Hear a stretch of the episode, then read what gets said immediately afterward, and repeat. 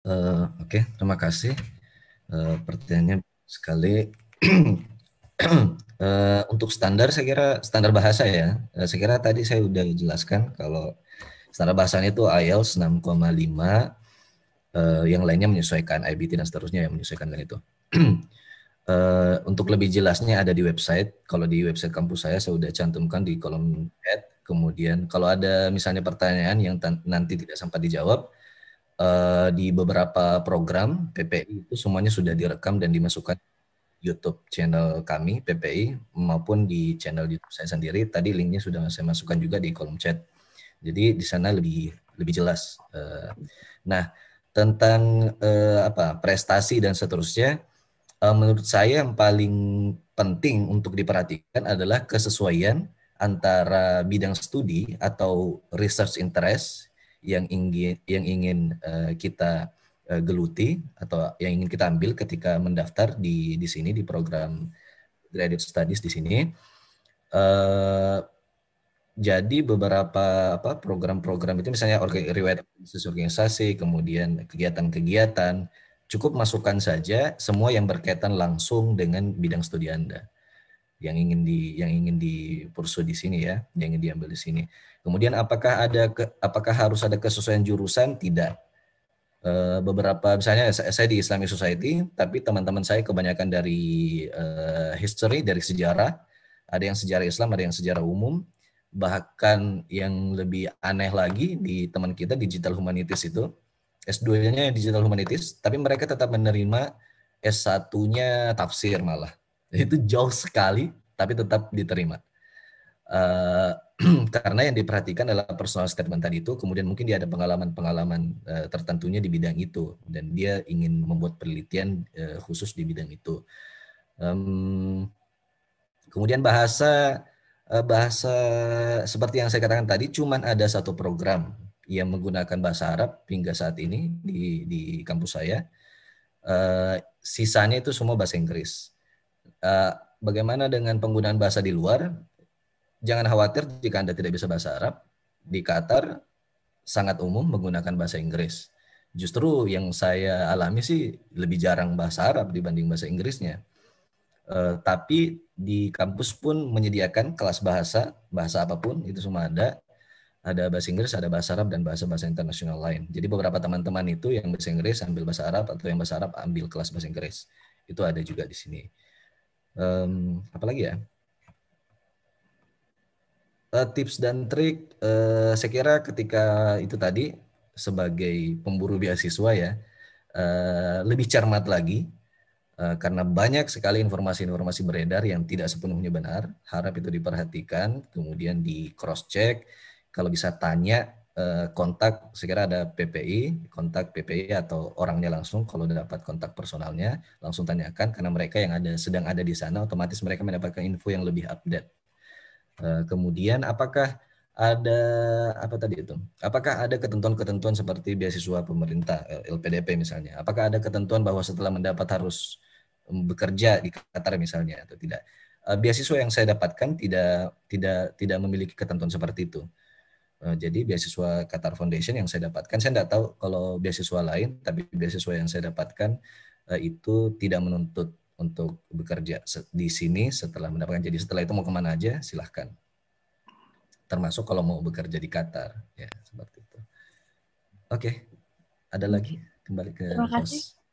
Uh, saya mau menambahkan terus habis itu nanti ada follow up questionnya kali ya dari sana um, saya juga alhamdulillah dapat uh, beasiswa dari Qatar Foundation juga. Um, dan benar apa namanya mungkin untuk uh, universitas beda-beda apa namanya requirementnya. Jadi itu sesuatu yang uh, sebenarnya tertera di uh, website. Um, dan tapi kalau misalnya dengan Qatar Foundation itu nggak ada maksudnya gimana ya uh, kamu nggak harus stay di Qatar untuk beberapa lama gitu. Itu nggak ada nggak ada tertera di um, kontraknya. Itu aja. Uh, ini uh, Mas Daru, aku mau follow up. Tadi ada pertanyaan dari Dwi, eh dari Tegar. Um, dia itu di kelas 3 SMK dan dari kecil dia itu sangat tertarik untuk melanjutkan pendidikan uh, negeri Arab. Oh, oke okay, oke. Okay. Um, jadi ada dua pertanyaan nih. Jadi kalau misalnya ke Qatar itu tidak harus untuk ke untuk ke Qatar nggak apa-apa kan kalau misalnya sekolahnya reguler um, dan nggak ada apa ya kurikulum mungkin luar negeri atau apa dan satu lagi untuk ke departemen uh, Mas Darul sendiri yang Islamiyah uh, nggak apa apakah boleh untuk um, dari background yang bukan beragama gitu? Iya, uh, jadi tidak itu ya. Jadi background pendidikan apakah S1-nya misalnya atau SMA atau sekolahnya gitu itu sama sekali tidak dipermasalahkan. Semuanya bisa diterima. Misalnya mau masuk jurusan Islam kemudian uh, backgroundnya ternyata bukan sekolah Islam atau tidak pernah sama sekali mempelajari uh, studi Islam itu tidak masalah sama sekali. Yang yang harus diperkuat adalah di personal statement itu bagaimana Anda bisa meyakinkan uh, pihak kampus bahwa uh, Anda memiliki background yang yang cukup. Mungkin Anda tidak dapatkan di formal, tapi ketertarikan Anda membuat Anda melakukan uh, studi sendiri atau membaca sendiri uh, tentang bidang yang ingin Anda geluti nanti. Itu kan bisa saja karena ilmu Islam bisa didapat tidak hanya di formal. Uh, kemudian, oh ya saya tadi ingat juga ada pertanyaan tentang bagaimana uh, Islamnya di Qatar. Jadi di Qatar itu uh, sebetulnya tidak hanya Qatar ya. Sekira semua negara Arab sekarang uh, sudah beralih dari konservatisme yang seperti dulu. Uh, kalau misalnya di Saudi ada Wahhabism dan sebagainya, ada Masab Hanbali, betul bahwa di Qatar itu mayoritas Hanbali, tetapi sekarang semua jauh lebih moderat. Hmm, seperti yang saya bilang tadi, jadi bahkan termasuk kalau kita ke Kementerian Agamanya Qatar, itu salah satu visinya adalah bagaimana mengembangkan manhaj Islam wasatiyah yang moderat, yang toleran, yang inklusif, yang terbuka. Apalagi Qatar, seperti yang dikemukakan Prof. Albert tadi, populasinya sangat sedikit kalau orang Qatar itu sendiri, sisanya semua dari luar. Jadi otomatis ada beragam masa, ada beragam agama di sini, dan terutama agama eh, rumah-rumah ibadah yang non Islam itu ada disediakan oleh pemerintah di apa religius kompleks gitu kan. Di situ ada ada juga disediakan oleh pemerintah itu juga uh, yang terjadi di beberapa negara misalnya Oman, Saudi juga seperti itu sudah mulai uh, berubah juga. Tun Tunisia juga seperti itu semuanya berlomba-lomba apalagi Emirat bahkan dia punya apa Kementerian Toleransi ya kalau nggak salah. Nah, itu lebih lebih terbuka lagi. Jadi yang ingin kami sampaikan di webinar ini adalah bahwa negara Timur Tengah itu tidak se eksklusif yang kita bayangkan Eh, semuanya bisa diterima di sini. Di sini juga tidak hanya studi Islam, banyak studi yang lain. Bahkan eh, saya kira justru itu yang memperkaya, yang memiliki, yang membuat Qatar menjadi unik karena dia negara Arab, tapi bisa mengembangkan ilmu-ilmu non-Islam dalam tanda kutip, eh, sehingga semuanya teman-teman bisa ke sini, apa pun backgroundnya, apa pun apa latar belakangnya itu semua insya Allah bisa diterima. Oke, okay. Terima kasih pertanyaannya eh, dan jawabannya juga. oke, okay. uh, aku mau balik lagi ke Profesor Albertus. Um, ini ada pertanyaan dari Dio Ade Gemilang dari Universitas Indonesia. Um, dia pertanyakan, saya ingin bertanya kepada um, kalau misalnya ada study case, ini untuk uh, Darul juga kalau misalnya ada study case mahasiswa Indonesia ingin melanjutkan kuliah tapi ad, pada satu semester nilainya yang kurang. Lalu apakah potensi diterima besar atau tidak? Uh, lalu pertanyaan yang dilihat apakah nilai IPK akhir atau nilai setiap mata kuliah.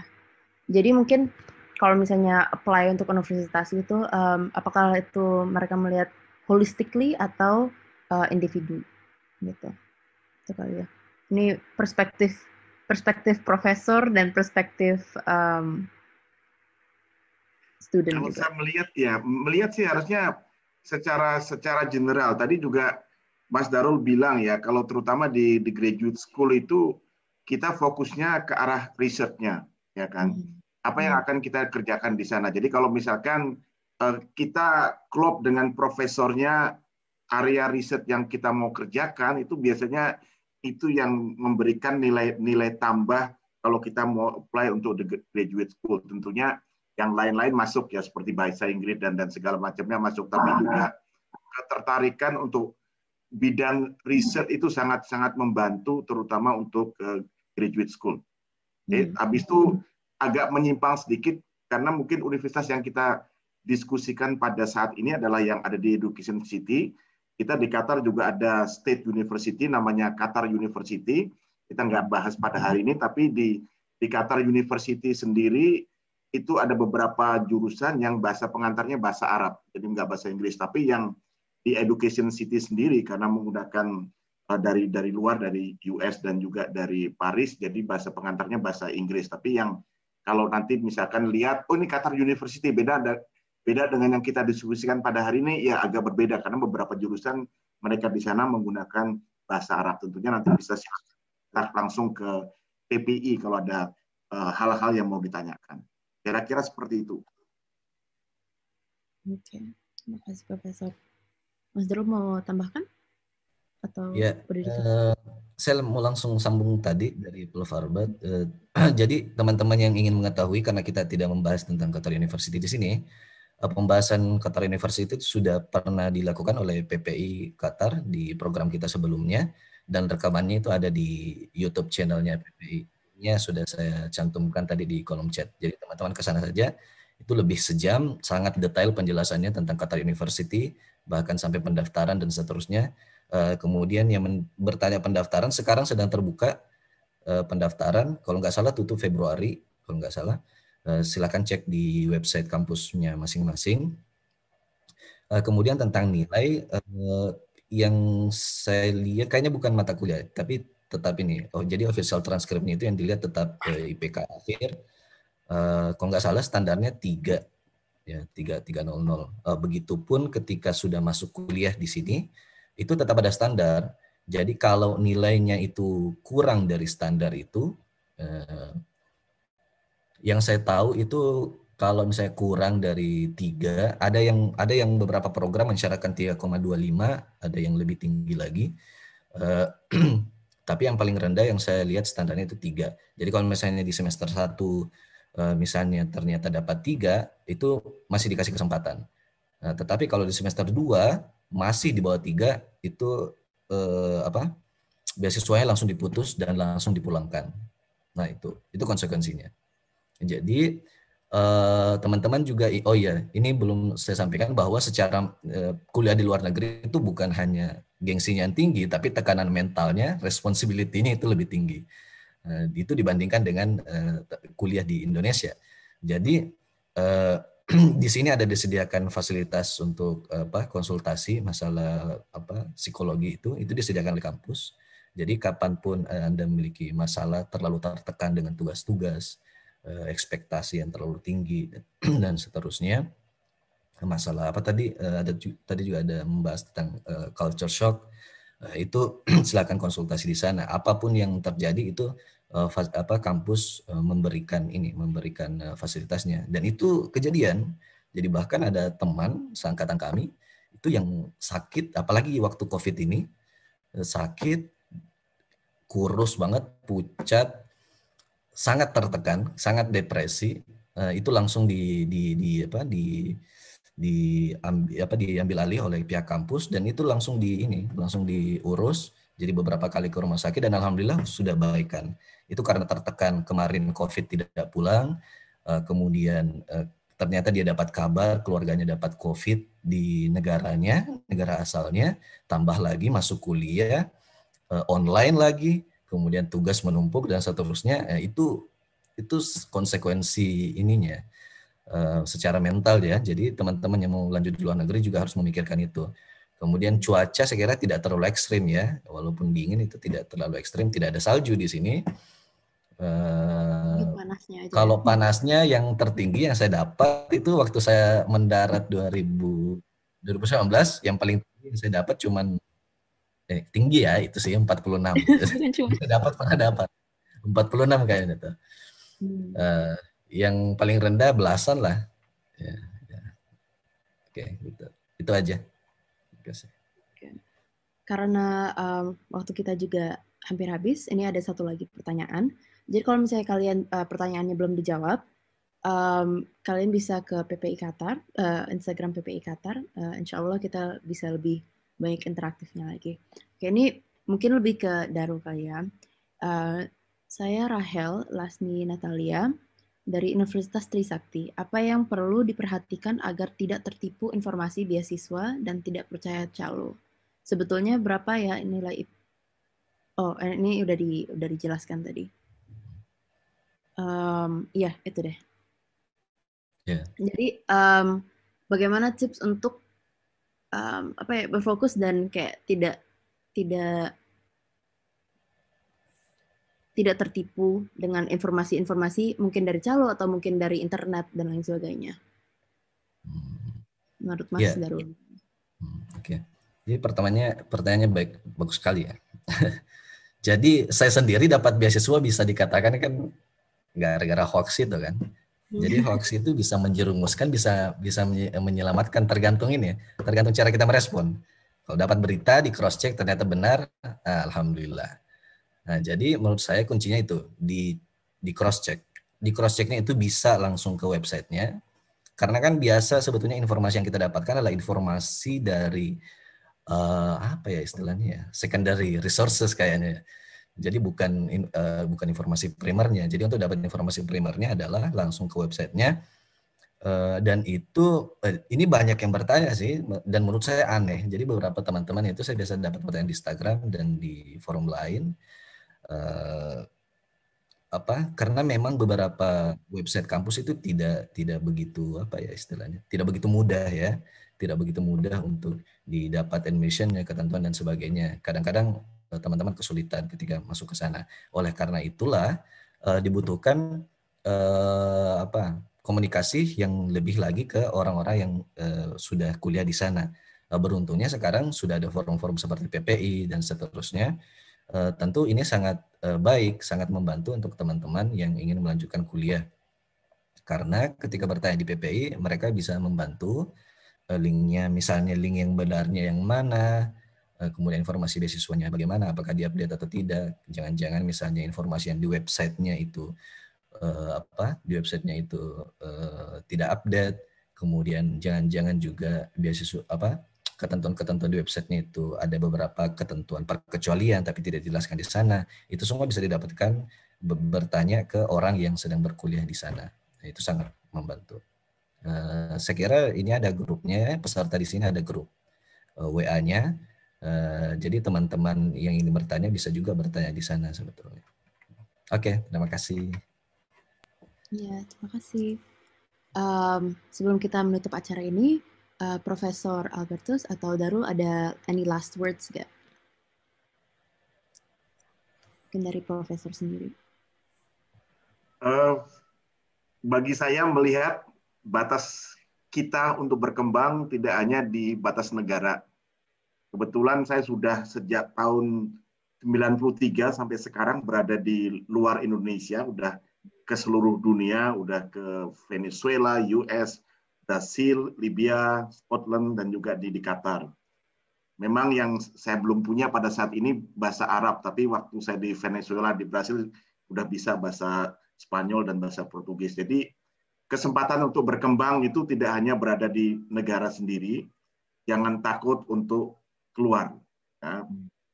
Sudah pada saat ini dunia itu semakin semakin global, berani untuk bersaing dengan seluruh warga dunia yang lain. Terima kasih. Terima kasih, Profesor. What that's an amazing, amazing way to end everything. Uh, mungkin untuk Daru? Oke, okay. uh, saya setuju sekali dengan Prof. Albert. Apalagi kan kebanyakan teman-teman di sini partisipannya kan milenial semuanya kan.